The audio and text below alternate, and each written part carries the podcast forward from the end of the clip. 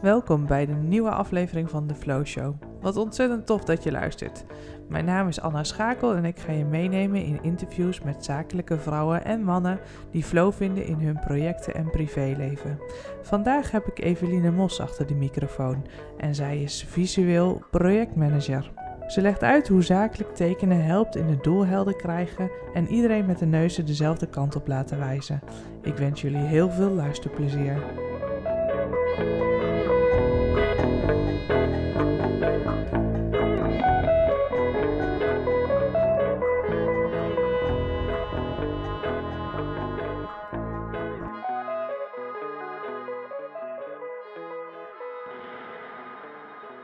Ik ben Eveline Mos en ik werk als projectmanager voor uh, infraprojecten en andere openbare ruimtes, ook op plantsoentjes en uh, speelterreinen, via grondwerkprojectmanagers bij uh, overheden, zowel gemeente als provincie, Rijkswaterstaat doen andere collega's ook. Ja. En um, ik werk voornamelijk bij gemeenten en nu ook bij een provincie. Oké, okay, en wat doe je dan nu bij de provincie? Ik ben op dit moment in de rol van omgevingsmanager aan het werk. Um, en dat houdt in dat er een groter projectmanagementteam is van uh, vijf mensen. En mijn rol in dat team is dat ik uh, de communicatie, vergunningen en verkeersmanagement en dat soort zaken oppak. Terwijl de andere projectmanagementrollen bij andere mensen liggen. Um, en dat is anders, omdat je normaal als projectmanager aan het werk bent, heb je verantwoordelijkheid over het hele project. En ik heb nu verantwoordelijkheid over een klein deeltje. Ja.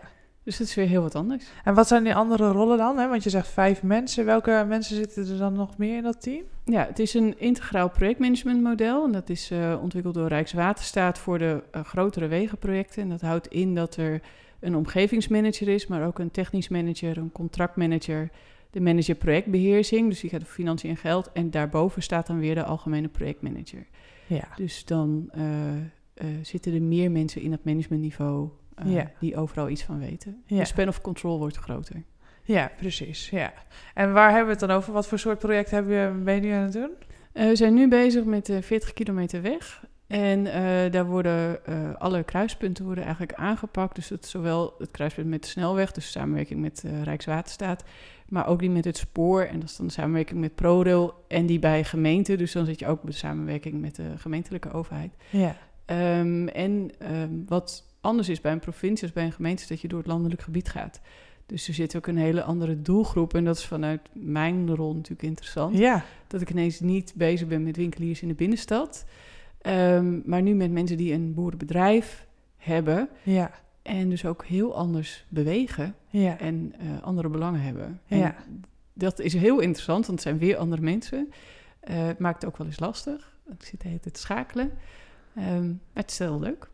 En, want je hebt dan best wel een stakeholdersveld, hè? Want je noemt nu al Ja. zo al vier uh, partijen. Mm -hmm. um, hoe pak je dat dan aan, hè? Dat je dus al die partijen... Hè? Hoe pak je die dat stakeholdersveld aan eigenlijk? Um, is, we hebben natuurlijk een stakeholdersanalyse gemaakt, maar ja, dan heb je het op papier klaarstaan. Mm -hmm. En we hebben ook netjes een communicatiemix gemaakt met de middelen en de momenten. En, uh, maar ja, dat is ook allemaal papier. Maar waar het eigenlijk om gaat, is dat je de telefoon opneemt en een antwoord geeft. Dus dat je betrouwbaar bent.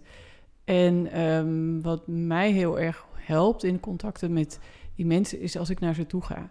Dus niet uh, uh, als iemand belt en zegt... oh, kom maar langs op het provinciehuis of op het gemeentehuis... en dan drinken we even koffie. Maar dat ik uh, zo brutaal ben om mezelf uit te nodigen met... ik kom naar u toe en dan bespreken we het daar. Want dan kan iemand in zijn eigen vertrouwde omgeving zijn probleem uitleggen. Ja.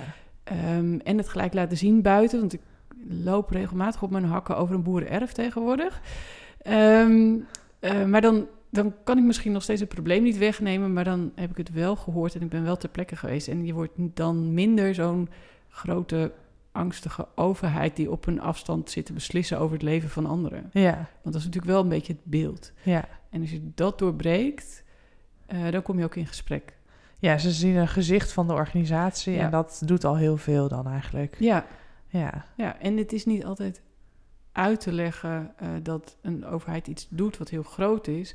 En wat dan op privé, uh, zeg maar op persoonlijk vlak misschien lastig is of lastiger wordt. Uh, maar wat toch algemeen belang is. Maar dat gesprek is makkelijker te voeren aan een keukentafel dan wanneer iemand eerst langs een receptie moet. En dan door zo'n hele grote hal met marmeren trappen. En Ja. de overheid is toch nog best wel op afstand. Ja. ja Dus dat geloof ik Afstand wel. verkleinen is wel een hele belangrijke. Ja. En zeker als je het dan hebt over jouw doelgroep, hè, als, er, als er dan inderdaad boerenbedrijven zitten die hè, dan, en in één keer een gemeente, dat, dat is al een, een overheidsinstelling natuurlijk. En dan ook nog Rijkswaterstaat, dat is al helemaal ver, ver Ja. van hun bedshow, zeg maar. Ja, maar ook winkeliers in de binnenstad hoor, die gewoon heel erg, eh, die worden bevoorraad.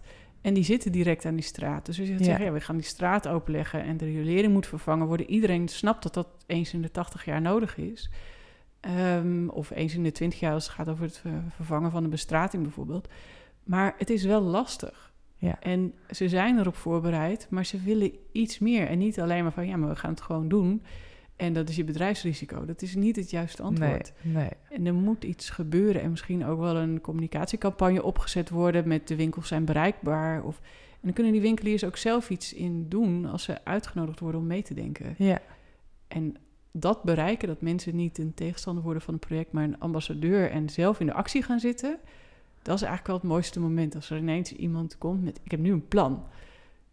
Wow, je bent nu mijn werk aan het doen. ja, Ehm, dat is eigenlijk het mooiste moment. ja. Dus dat probeer je eigenlijk te bereiken. Ja. Dat zou heel gaaf Ja. zijn eh, als dat lukt. Ja, ja. Ja. mooi. En hoe, hoe pakken die boeren dat op? Dan ben ik wel benieuwd. Hoe pakken zij dat op? Ehm, ja, dat wisselt heel erg per persoon. Dus er Ja. zijn een heleboel mensen die dat leuk oppakken. En er zijn ook, maar dat zit ook in de historie misschien wel en gewoon in, in hoe een persoon is. Ehm, dat de overheid op afstand staat of dat de communicatie niet aankomt. Maar er zijn natuurlijk ook zoveel verschillende typen mensen en dus zoveel communicatiemiddelen. Ja, Ehm, en er zijn ook mensen voor wie Facebook de nieuwspagina is, bijvoorbeeld. Dan heb je alweer een ander communicatiemiddel in te zetten. En dat zijn Ja. ook geen mensen die zelf in een actie gaan, misschien, maar wel de informatie nodig hebben. ja. Dus Ja. ja, het is. eh, Ja, ook daar heb je dus onderscheid in van eh, Ja. hoef je iemand alleen maar te informeren of wil iemand echt actief deelnemen Ja. aan. En het is een cadeautje als iemand zegt: Ik ga iets doen. Ja, ja. En dat, eh, dat grijp ik dan met beide handen aan. Ja, dat snap ik. mooi. Ja, heel mooi. Ja. Nou, doe je naast projectmanagement doe je nog meer?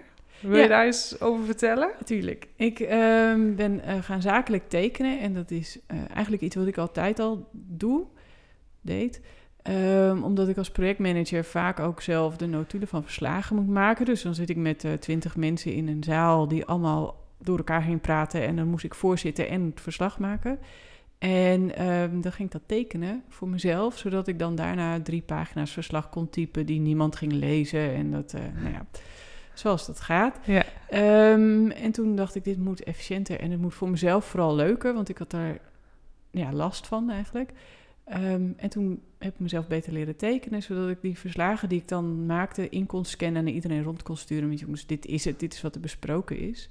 En zo is het een beetje gaan rollen om ook op flipovers te tekenen, terwijl iedereen aan het praten was. En op die manier de vergadering voor te zitten. Ja. En ik teken steeds meer in vergaderingen. En ik laat anderen inmiddels ook tekenen in vergaderingen. Hey, maar even, even terug, hè? Ja. want je zegt, oké, eh, ik het begon met die notulen. Hoe werd er Mhm. dan in eerste instantie gereageerd op dat jij dus notulen ging versturen die ondersteund zijn? eh, geteken- helemaal getekend zijn Ja. ondersteund worden door tekeningen? Ehm, nee, het hoort niet. En het is gek. En eh, we hebben het nog nooit zo gedaan.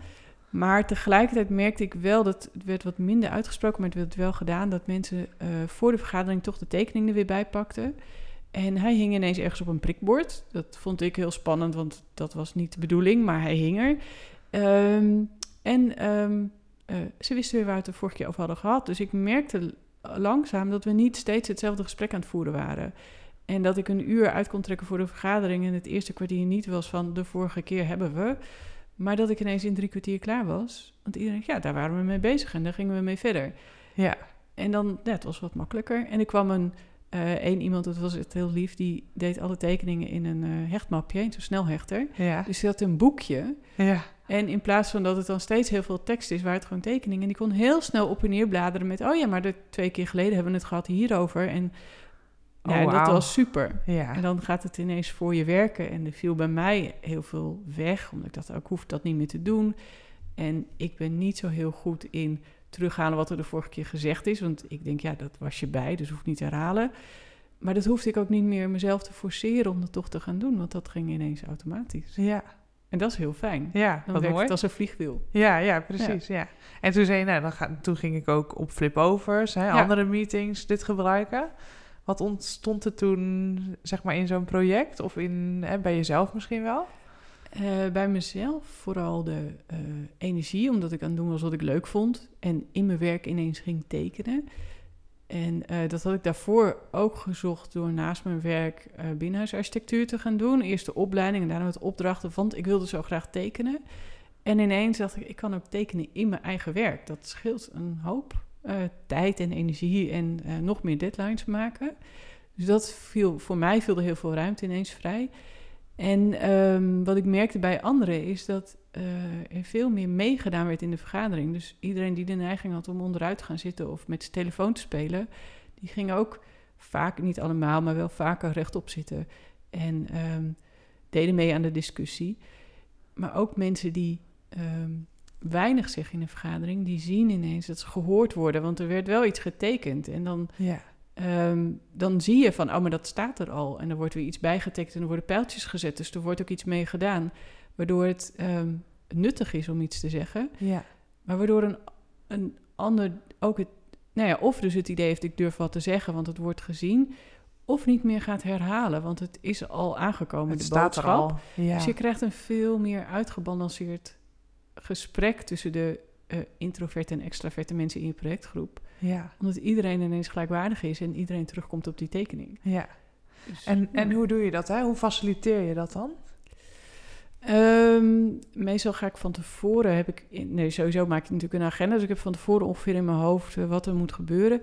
En het ligt een beetje aan het overleg of ik de agenda op de flip overzet en dan in symbolen erbij teken wat we hebben besproken en daar kernwoorden bij zet. En dan maak ik daar een foto van, stuur ik rond en dat is dan het verslag. Ehm, maar als het een brainstorm sessie is, dan laat ik hem helemaal open en dan maken we er gewoon een post-it sessie van. En dan ga ik daarna de post-its weer uittekenen. Of ik laat mensen zelf tekenen op die post-its. En dan digitaliseren we dat op een manier. Dus het ligt een beetje aan het doel van de vergadering wat ik inzet. Maar het is heel vaak iets visueels. Ja, dus je, maar je zet het dus echt letterlijk met pen en papier aan de slag. Hè? Je zou Ja. ook kunnen kiezen van, nou, ik doe het op een scherm bijvoorbeeld. Maar dan ben jij alleen aan het tekenen waarschijnlijk. Ja, en het, dat gebeurt wel vaak. Maar het zou, ook dan is het leuker met stift op papier. Want dat vind ik leuker tekenen. Ehm, maar het is eigenlijk nog leuker als andere mensen mee gaan tekenen. Alleen dan moeten ze wel over de drempel heen dat ze niet kunnen tekenen. Ja, want dat is de drempel, hè? Ja, Ik kan niet tekenen. Ja, Ja. terwijl ik denk dat iedereen wel een beetje kan tekenen... en de een misschien iets beter dan de ander. Eh, maar het hoeft niet mooi te zijn. Het is geen kunst met een hoofdletter K of zo. Het is gewoon een communicatiemiddel. En iedereen kan praten en schrijven. En of mensen nou de kofschipregel heel goed toepassen... op hun voltooid deelwoorden... dat valt ook niet iedereen over. Dus nee, dan valt ook niet iedereen over een poppetje met de lange armen. nee, precies. Nee. Het maakt niet uit. Het gaat erom dat je de boodschap overbrengt. Ja. Ja, want ik heb wel... eh, hey, ik, teken ook wel eens in... eh, en niet zoveel als jij dat doet, echt Mhm. niet. Ehm, maar ik heb ook wel eens meegedaan aan eh tekenvierdaagse bijvoorbeeld. En dan leggen ze ook uit van... Ja, weet je, toen je op school zat, op de lagere school... toen was je vier jaar. En toen zei je gewoon dat je kon tekenen. En aan het eind van de basisschool... kan in één keer niemand meer tekenen. Dus ergens on- onderweg verliezen we het vertrouwen dat we kunnen tekenen... omdat we onszelf een soort van druk misschien opleggen... van dat het ook heel mooi moet zijn en inderdaad... Ja. eh, hè, met een hoofdletter K moet zijn eh, voor, voor, Ja. voor kunst, kunstig. en eigenlijk is het heel zonde, want toen je als vierjarige kon je net zo goed dat poppetje tekenen met dat hoofdje en die Mhm. eh, Ja. twee armen en die twee benen. Maar ik vond tekenles op de HAVO ook niet leuk. Want er was een opdracht en je kreeg er een cijfer voor. En het was nooit goed genoeg. Nee. En, ehm, en je moest ook levensecht tekenen of een jungle tekenen met dieren erin en zo. En dat, ik, ik zat er altijd mee in de knel, want ik wilde het altijd simpeler of anders of meer fantasie erin. Of, en ik wilde vooral dat cijfer niet. Nee. En dan deed ik heel hard mijn best en kreeg ik een 7. Daar kun je tevreden mee zijn. Maar dan ja, waarom Ja. krijg hier eigenlijk... Het is leuk en het is een hobby en ik krijg een cijfer. Ja, precies. En dat motiveert niet. Terwijl Nee. ik met andere vakken eh, juist wel ging tekenen. ja. Omdat ik dan beter ging onthouden. Dus ik was zo'n eh, scholier die altijd zat te tekenen in schriftjes en boekjes. En dan af en toe eruit werd gestuurd, want ik zat te veel te tekenen en niet op te letten. Maar ik onthield het wel allemaal. Ja. Omdat er overal vakjes stonden en kaders eromheen. En, en ik op een hele andere manier leerde. ja. Maar tekenenles vond ik niet leuk. Nee. Dus dat, het is het niet. Het is het tekenen om iets te leren en iets duidelijk te krijgen... en niet tekenen omdat het mooi moet zijn. Nee, precies. Het En is iets hoe, heel anders. hoe help jij ze dan over die drempel heen? Ehm, door te zeggen dat het niet hoeft. En eh, soms komen mensen dan vanzelf. Ehm, of ik laat het zo en ik ga inderdaad in mijn eentje tekenen. Want het gaat me erom dat we het doel van het project halen. Dus als we die stap vooruit zetten die ik wil zetten, dan is het goed. Ja. Ik ga niet mensen dwingen om te tekenen. Nee. En als ik merk dat de groep geïnteresseerd is, dan investeer ik een uurtje in een soort zakelijk tekenenles. Die eigenlijk heel makkelijk is met eh, stipjes en cirkeltjes en maak er een poppetje van. Of maak er een kader omheen. Of... Ja. Maar dat ligt een beetje aan de groep. Ja. En de ene groep is daar wat makkelijker en toegankelijker in dan de ander. Ja. Eh, en de ene persoon ook meer. Het zijn ook een heleboel mensen die zweren bij Excel-spreadsheets. Ja. Die krijg ik niet aan tekenen. Nee. Maar dat hoeft ook misschien niet. Nee. Dat is dan ook aan mij als projectmanager om zo flexibel te zijn... dat ik ook met die Excel-spreadsheet kan werken. Ja. En niet alleen mijn eigen werkwijze op een projectgroep druk. Want ik kom als externe binnen. Ik moet het project vlot trekken. Dus ik moet mezelf ook weer aanpassen aan wat de groep mij geeft. En dan kan mijn werkwijze wel zorgen dat er een katalysator in het project komt. Maar ik kan niet zeggen, dit is de enige manier waarop we het kunnen doen. Nee.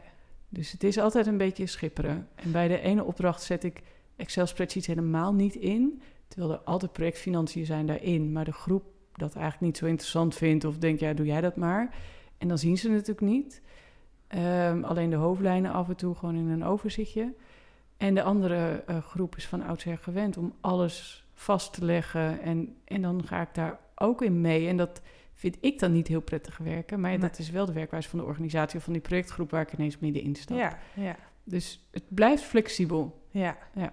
Ja, en ik, ik denk, dat zou ik denk ik zo moeten zijn, omdat ik denk, eh, wij zijn misschien visueel, visueler ingesteld in ieder geval.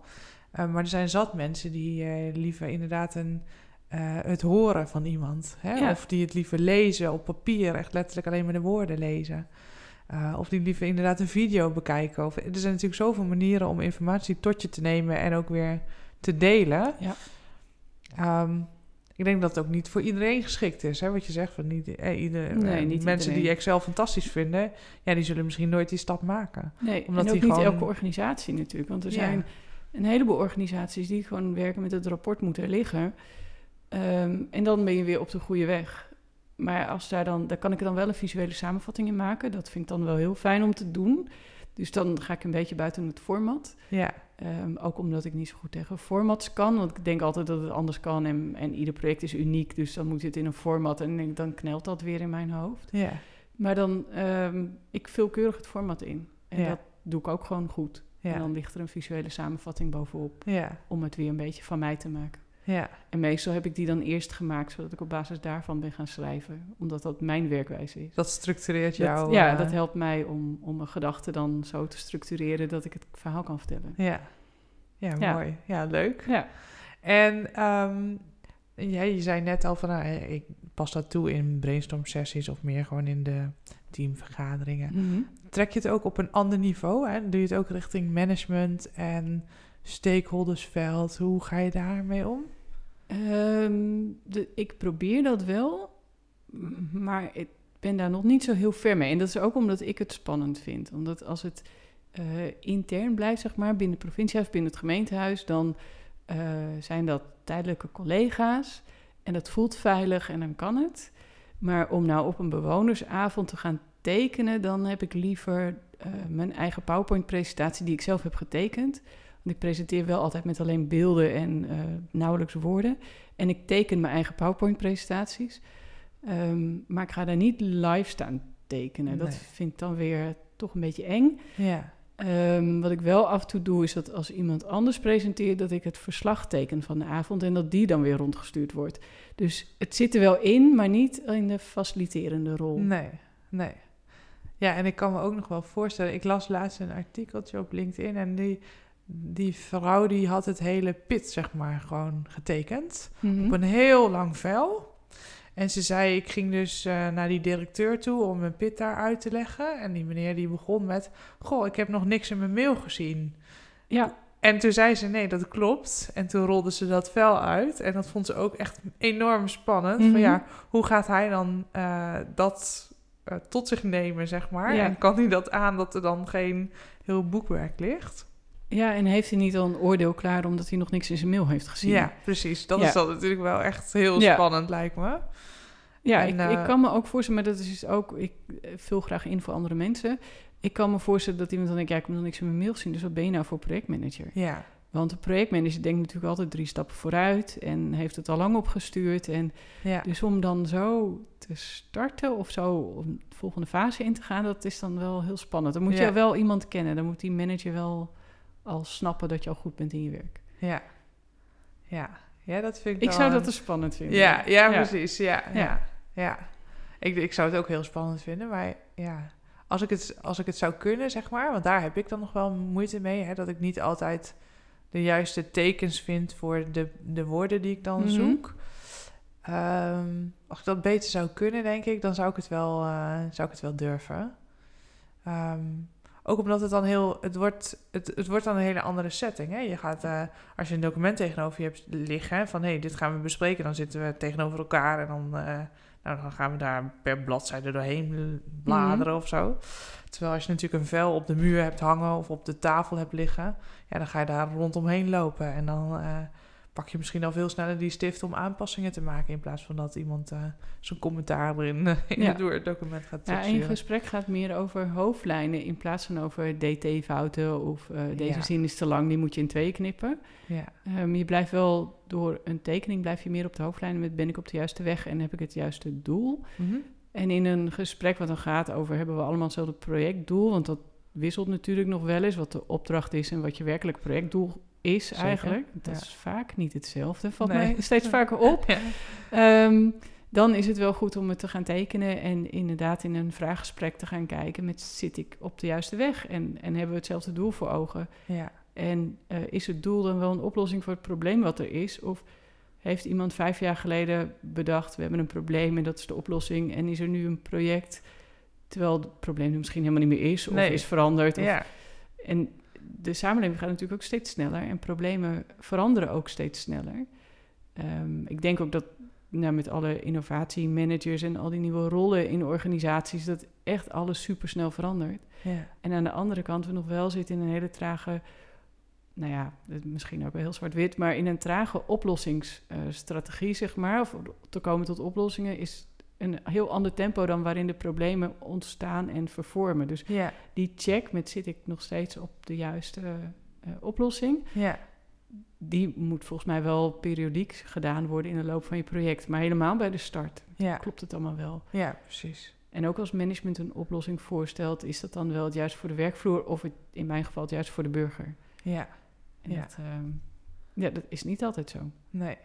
Nee, en met een visuele plaat zou je dat makkelijker kunnen checken Ja. misschien. Ja, je krijgt wel makkelijker het gesprek op gang met zit ik op de juiste weg en klopt mijn tijdlijn en klopt mijn doel. En Ja, Ja.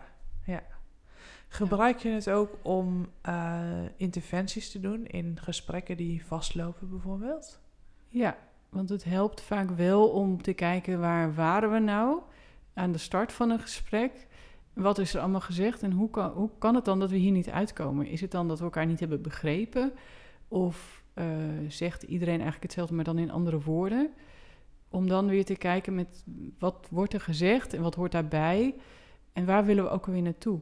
Ja, En dan helpt het wel om het weer eigenlijk te versimpelen naar een tekening. Met, zo ingewikkeld is het vaak namelijk helemaal niet. nee.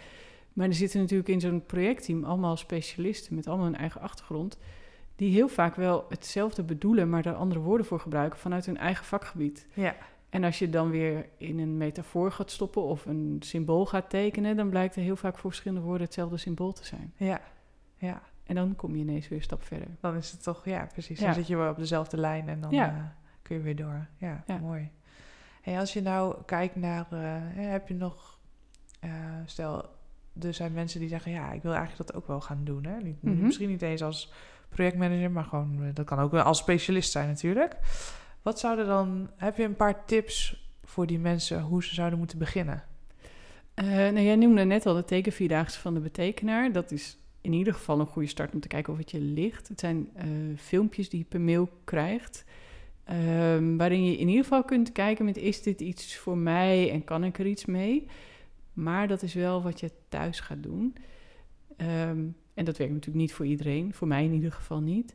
Maar er zijn wel steeds meer mensen die een uh, dagcursus aanbieden of een halve dag of een één op één training. Uh, die ook heel laagdrempelig kan zijn met uh, wat is het eigenlijk en wat gaan we doen? Of welke symbolen heb je nodig voor jouw werk?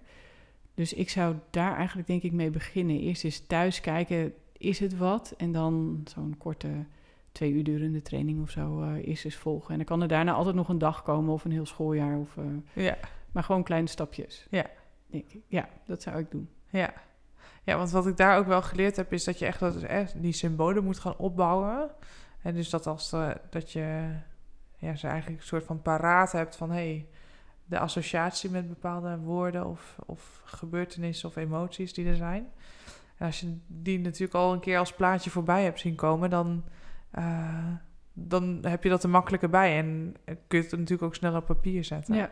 En dan als je aan het zoeken bent, continu van ja, maar wat zou ik hier dan bij moeten tekenen? Dat is natuurlijk ook niet handig. Nee, je moet een soort automatisme ontwikkelen om te denken in uh, simpele figuren en in metaforen. Want vaak is er wel uh, een wervelwind te verzinnen of zo. Als je het hebt over versnellen of innoveren, dan is een wervelwind heel makkelijk getekend en dan kun je daar de rest wel weer aan ophangen. Ja. Of een projectdoel kan ook een horizon zijn met een weg er naartoe. Ja. Maar dat soort een gedachtenkronkel, zeg maar, die moet je bij jezelf wel op gang brengen. En dan gaat het steeds makkelijker. Ja. En wat ik doe, is ik heb één groot notitieboek waar ik mijn symbolenbiep in opbouw. Ja. En elke keer als ik weer iets nodig heb wat ik nog niet heb, of wat ik wel heb, maar op een andere manier in ga zetten, met een ander poppetje of iets, dan zet ik het daar weer even snel in. En als ik dan geen inspiratie heb, dan blader ik door dat boek met al die kleine tekeningetjes. Oh ja, en dan leuk. ik, oh, daar zit wel weer wat tussen. Ja. Ja. ja. Dus ik denk wel dat dat, uh, dat helpt inderdaad wel. Maar voordat je bij die eigen symbolen bent, heb je wel een soort katalysator nodig. Ja. En um, ik ga morgen uh, bij iemand aan de keukentafel een trainingje geven. Ja. En dan gaan we uh, kijken welke symbolen zij nou nodig heeft in haar werk. Ja. Als, uh, als coach. Dus dat is een heel ander vakgebied, maar daardoor wordt het wel weer spannend Ja. hoe we dat gaan doen. Um, maar dan wordt het eerst de basis geven. Hoe teken je eigenlijk? Ja. En dan kijken wat heb je nodig. En ga je dan, als je die symbolen hebt, ga je het inzetten op een flip over. Of ga je powerpoints maken. Of ga je een gespreksverslag maken van je coachingsgesprek. Ja. En hoe bouw je dat dan op? Want dat is dan weer de volgende stap. Hoe maak je een visueel verslag zodat het leesbaar is? Of hoe maak je een flip over zodat iedereen hem snapt? En, ja. en dan gaat het ook over heel simpel vakjes stellen en kijken of je aan de onderkant uitkomt. Ja, ja, ja. Of een kader eromheen zetten als iets afgerond is. Ja. Um, dus ja, dat zijn allemaal trucs die er dan bij komen. Maar dat is eigenlijk pas nadat je die slag te pakken hebt met... oh, ik kan nu symbolen tekenen en ik kan een ja. proces uitstippelen. Ja, precies. Ja. Oké. Okay. En um, ja, wat, wat heb je eigenlijk allemaal nodig? Gewoon qua materialen en spullen? Um, als je uh, met de hand gaat tekenen, zeg maar gewoon papier, stiften. Ja. En de basis is altijd tekenen met zwart grijs toevoegen voor de schaduw, want er komt wat diepte in je tekening. En uh, één kleur of maximaal twee kleuren, niet te bont en uh, Nee. te ingewikkeld. En um, ik teken zelf ook digitaal op een iPad Pro. En Ja. Ja, dan ligt aan welk programma je fijn vindt werken. Ja. Ja, maar dat, uh, maar dat dan heb ik je dus- alleen maar... Ja, ik hou hetzelfde aan. Gewoon zwarte tekeningen met een grijze schaduw en één of twee kleuren. En vooral niet te bont maken, want dan leiden Nee. al die kleuren ook weer af. Ja, dan uh, ja, precies. wordt het Of het moet echt- niet begrepen. Het moet echt bij het symbool passen, maar... Ja. ja, als je een clowntje maakt is het misschien wel leuk, maar over het algemeen zijn mijn tekeningen toch vooral eh, blauw met geel bijvoorbeeld, of blauw Ja. met oranje. Of, eh, Ja, ja. En ik vermijd rood een beetje. Dat is soms lastig, want heel veel organisaties hebben rood in hun logo staan en dan wil ik aansluiten op de organisatie waar ik voor werk. Ja.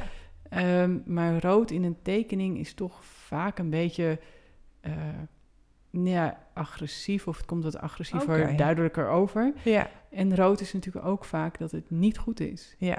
Daar Dus- associëren we het natuurlijk mee. Ja, Ja, ja. Dus ehm, of dat je moet stoppen of eh, eh, dat iets giftig is. Of, dus Ja. dan probeer ik wel altijd te vragen naar wat is de secundaire kleur in het logo, zodat het toch weer aansluit. ja. En meestal is dat dan groen, want rood en groen zijn, eh, die, die staan tegenover elkaar in de kleurencirkel, dus die versterken elkaar.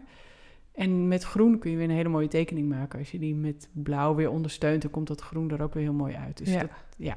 Zo combineer je Dus dan ik kom er wel uit, ja. ja, ja. Oh, dat is wel heel leuk om te weten, inderdaad.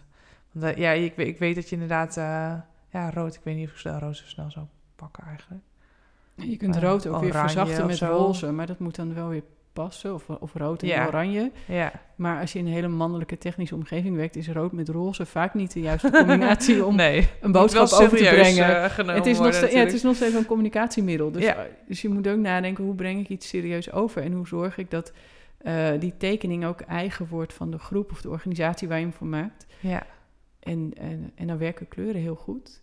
Maar daar moet je wel over nadenken. ja, Ja. ja. niet uh, lucraak iets pakken als je Nee. tas. Nee, dus ik gebruik mijn, mijn roze en paars ook eigenlijk niet zo vaak, omdat ik altijd werk in een redelijk technische omgeving. En dan is dat gewoon niet de kleur als je iets serieus wil uitleggen. Ja.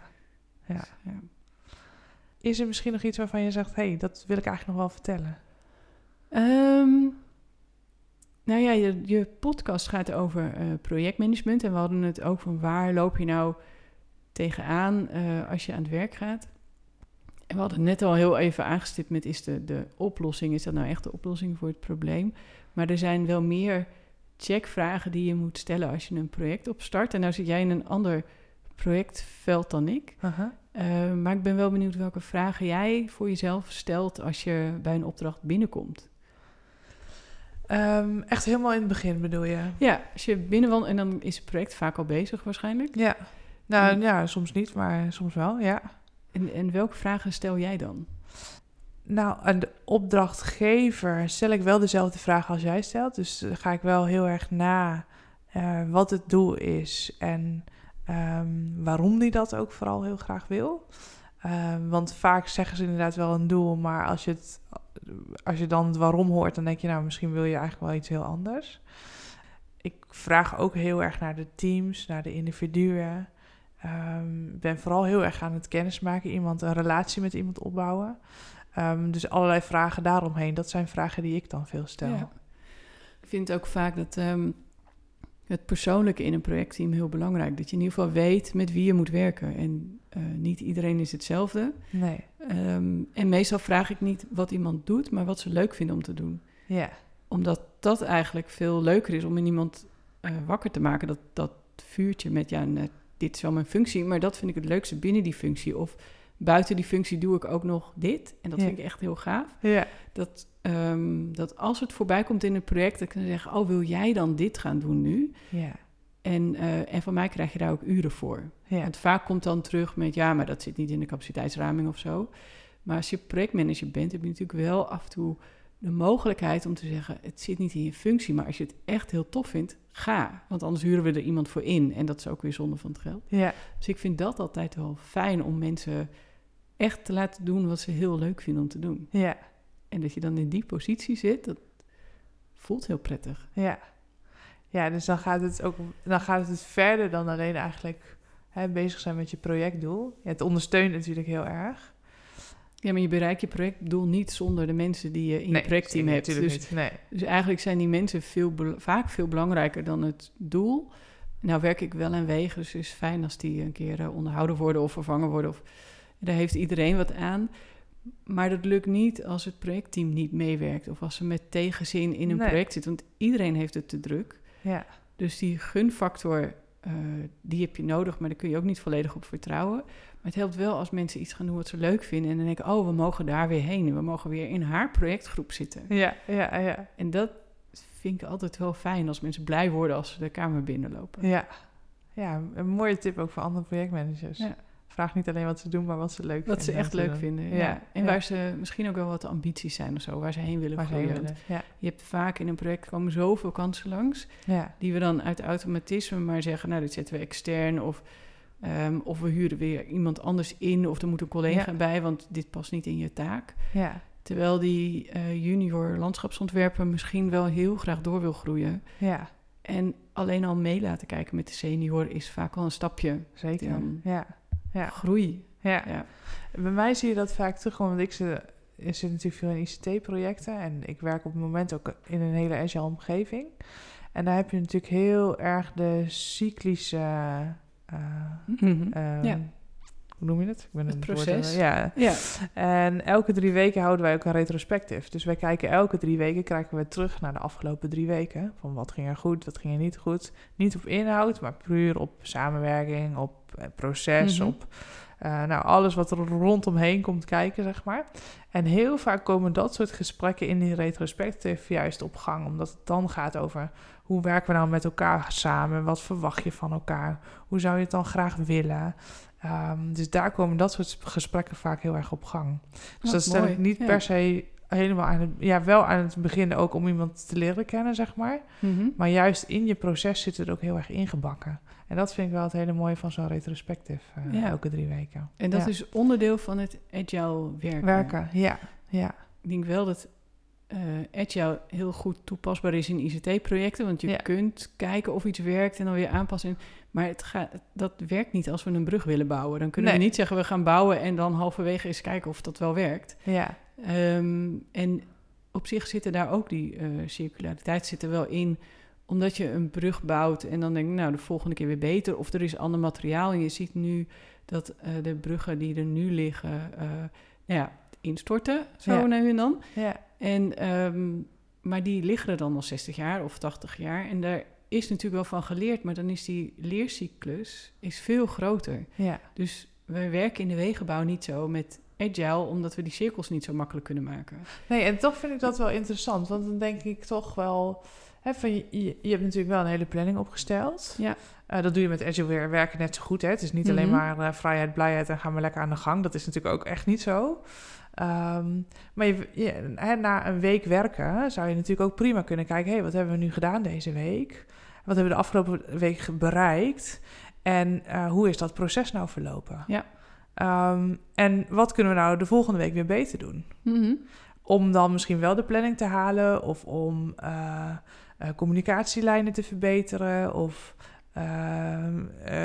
nog meer effort te steken in een bepaalde stakeholdersgroep. Of, dan zijn natuurlijk talloze dingen die je eigenlijk wel per week zou kunnen bekijken. Ja, en dan Eh, niet zo op het product, maar meer op het proces en de deelproductjes die er omheen zwerven die je nodig hebt om dat product dan weer te gaan maken. Ja. ja. Dus er zijn echt wel elementen, denk ik, van Agile die juist ook in, Ja, dat, ook in de vaste projectgroepen of eh, methodieken ook echt wel te integreren zijn. Ja, het is wel iets wat ik, ehm, waar mijn nieuwsgierigheid ligt. Sowieso om uit andere eh, vakgebieden weer iets te integreren. Maar eh agile is binnen projectmanagement nu natuurlijk helemaal hot. Maar design thinking vind ik ook interessant en er Ja. zitten ook die cirkels in. Maar ik vind eh marketingvak bijvoorbeeld ook heel interessant. Want hoe zijn wij nou bezig met projectmarketing? Want ehm, ik werk voor de burger, maar ik moet ook met die burger communiceren. En ik wil ook graag dat hij zich betrokken voelt. Maar dat is eigenlijk gewoon marketing. Met welk label plak je op die pot pindakaas waardoor die gekocht wordt? Ja, Wat kan ik daar nou van leren? Dus ik ja. denk ook dat het heel interessant is om steeds die andere dingen die van buitenaf komen eh beter te pakken. En dan te zeggen, wat zit daarin wat ik nu weer toe kan passen? ja. En dat is elke keer iets anders. Maar ik denk dat je over agile gelijk hebt inderdaad dat het niet op, de, eh, niet op het product, maar wel op het proces, dat we daar inderdaad hem wel op kunnen pakken. Ja. Ja. ik vind dat wel interessant. En dan, je krijgt een beetje twee kampen hè, die zich al snel tegenover elkaar zetten. Van nou, wij kunnen niet agile werken en wij werken alleen maar agile. En dan denk ik, ja, dat is gewoon echt niet zo. Je Nee. kunt van beide, beide methodieken kun je gewoon echt wel heel goed combineren. Ja. En dan, ja, dan kun je er misschien niet meer één labeltje op plakken. Maar ik probeer vooral mijn, mijn project zo te vormen dat ik uiteindelijk het, doel haal wat ik graag wil bereiken. Ja. En of dat nou met het agile labeltje is of met het, het eh, Prins 2 labeltje bij, wij- bij wijze van spreken. Ja, dat maakt me eigenlijk niet zo heel veel uit. Nee, het willen wel organisaties zijn die eh, roepen... wij werken alleen nog maar agile of alleen maar Ja. Prince 2. Ehm, en mijn overtuiging is dat je per project moet kijken... welke methode werkt er voor het project om het doel te bereiken. Ja. En dat het ook niet per se één methode moet zijn... maar dat je misschien een beetje moet graaien uit al die methodes... en dan jouw project moet draaien. Ja, En niet moet zeggen, dit is Prince 2, dus we doen nu een project starten. Het is altijd handig om je project te starten. ja überhaupt. Maar ja, Misschien niet per se volgens dat format en Nee. niet, ehm, eh, niet met die vinkjes, nee. maar gewoon wat past bij het project. Ja. En dat, eh, Ja. ja. sterker nog, ik denk zelfs dat als je wel allemaal agile werkt, dat elk project dan weer anders is. Ik zie het nu bij bij mijn huidige klant, ik draai daar twee projecten. En ze werken daar in die IV-organisatie werken ze compleet agile. Mhm. En, en die twee projecten die verschillen compleet van elkaar. Omdat je gewoon intuned op, de, op het team wat je hebt, op het stakeholdersveld wat je hebt. En daar is toch telkens weer wat anders nodig ehm, om het allemaal draaiende te houden. En is de managementlaag daarboven dan zich er nu ook bewust van dat al die projecten anders zijn? Want dat is bij Prins 2 valt dat minder op, omdat iedereen hetzelfde product, Prins 2 product, weer aanlevert bij het management of bij de opdrachtgever. Valt het minder op dat ieder project anders is. En ik denk dat je bij Agile wat meer die verschillen ook rapporteert naar boven, zeg maar. Ik weet niet of het minder opvalt. Ehm, want uiteindelijk zit het natuurlijk allemaal in je processen. En zij krijgt daar aan zich niet superveel van mee. Ehm, maar zij zien natuurlijk wel elke drie weken weer dat resultaat. Ja. En ehm, in mijn geval drie Ja. weken. Ehm, en daardoor zouden zij misschien wel meer dingen, eh, zou hen meer dingen kunnen opvallen. Dat denk ik wel. Ja. Ja. Maar zij zijn niet aanwezig bij een retrospective. En zij niet, zijn niet aanwezig bij een planning sessie. Ja. Dus daar gaan zij niet de procesdingen zien die dan anders zijn per project. Mhm. En eh, leent zo'n retrospective of het agile werken, leent zich dat ook niet heel goed om te gaan tekenen? Ehm, ja, ik denk het wel. Zeker omdat het einddoel eh, nooit helder is. Of nooit 100% helder. Hè. Er is altijd wel een einddoel. Eh, maar die weg daar naartoe is veel flexibeler. Ja, En ehm, je pakt het ook heel erg integraal op. Hè? Dus met heel veel verschillende disciplines. Dus dat is ook wel heel erg gaaf om naar te kijken. Want eh, hè, er zit een techneut om tafel, maar er zit ook iemand van de business om tafel die zijn probleem eh, moet gaan uitleggen in functionaliteit. En die techneut die moet dat oppakken en die moet er iets technisch van maken. Ehm, en die moet dat weer terugkoppelen en zeggen van ja, maar dit krijg je wel en dit krijg je niet. En nou ja, hoe gaat dat dan? eh, ja, dan moet je uitzien te Ja. komen, zeg maar.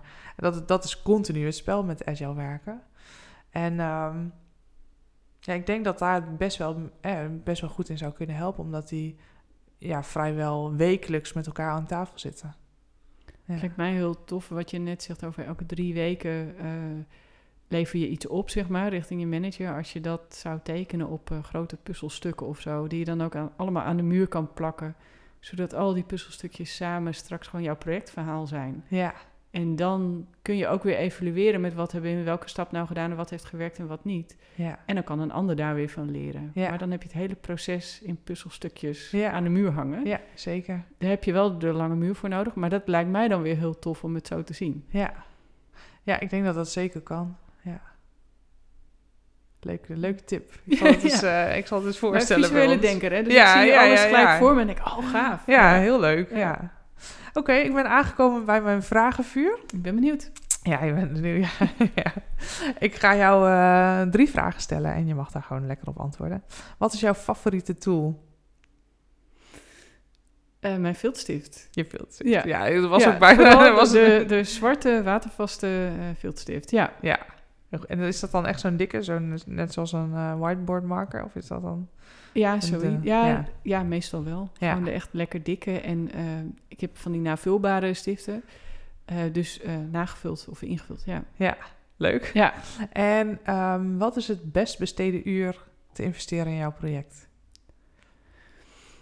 Oeh, ehm, vaak is dat het uurtje wat ik dan voor mezelf neem om te denken welke stappen ga ik deze week zetten en welke strategie.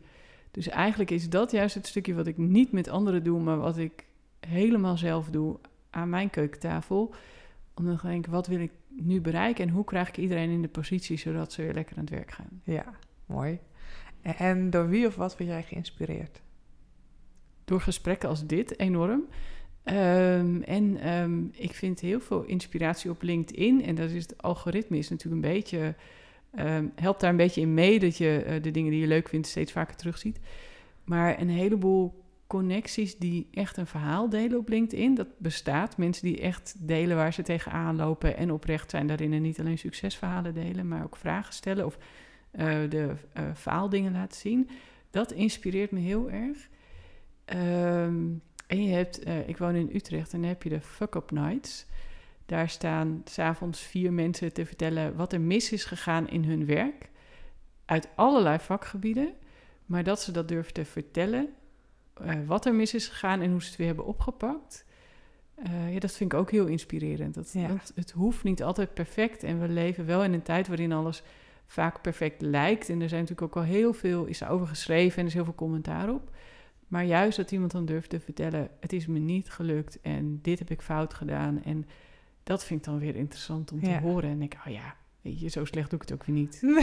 Nee, zeker niet. Het is een bevestiging van... eh, ja, nou ja, ja. en ook dat het niet allemaal, het is niet allemaal drama zoals in de soapserie. Het is ook niet allemaal zo perfect als op social media, maar ergens in het midden zijn we gewoon allemaal mensen. ja, Dat vind ik heel fijn en dat inspireert me heel erg. ja, ja, dat meerdere mensen fouten maken. En dat het ook oké is om gewoon fouten te maken. Ja. En dat je het ook weer kunt herstellen. Dat is ook wel... Dat verhaal is ook wel precies. fijn. Of niet herstellen, maar dan gewoon accepteren dat het soms gewoon fout Ja. gaat. Is ook oké. Ja. ja. Ja, mooi. Dankjewel voor dit gesprek. Graag gedaan. We sluiten af met eh, waar mensen jou kunnen vinden. Het makkelijkste is via LinkedIn gewoon Eveline Mos en dan, eh, dan staat daar eh, tekenend projectleider. Die moet je hebben. Dankjewel voor het luisteren. Ben je enthousiast en geïnspireerd geraakt? Deel dit dan gerust via de sociale kanalen. En via iTunes kun je een mooie beoordeling eh, met, door middel van een aantal sterren en een review achterlaten. Hoe hoger mijn ratings, hoe meer mensen deze show kunnen vinden en geïnspireerd kunnen raken voor flow in hun projecten. En vergeet niet om in beweging te blijven. Flow in je projecten komt immers altijd voort uit actie.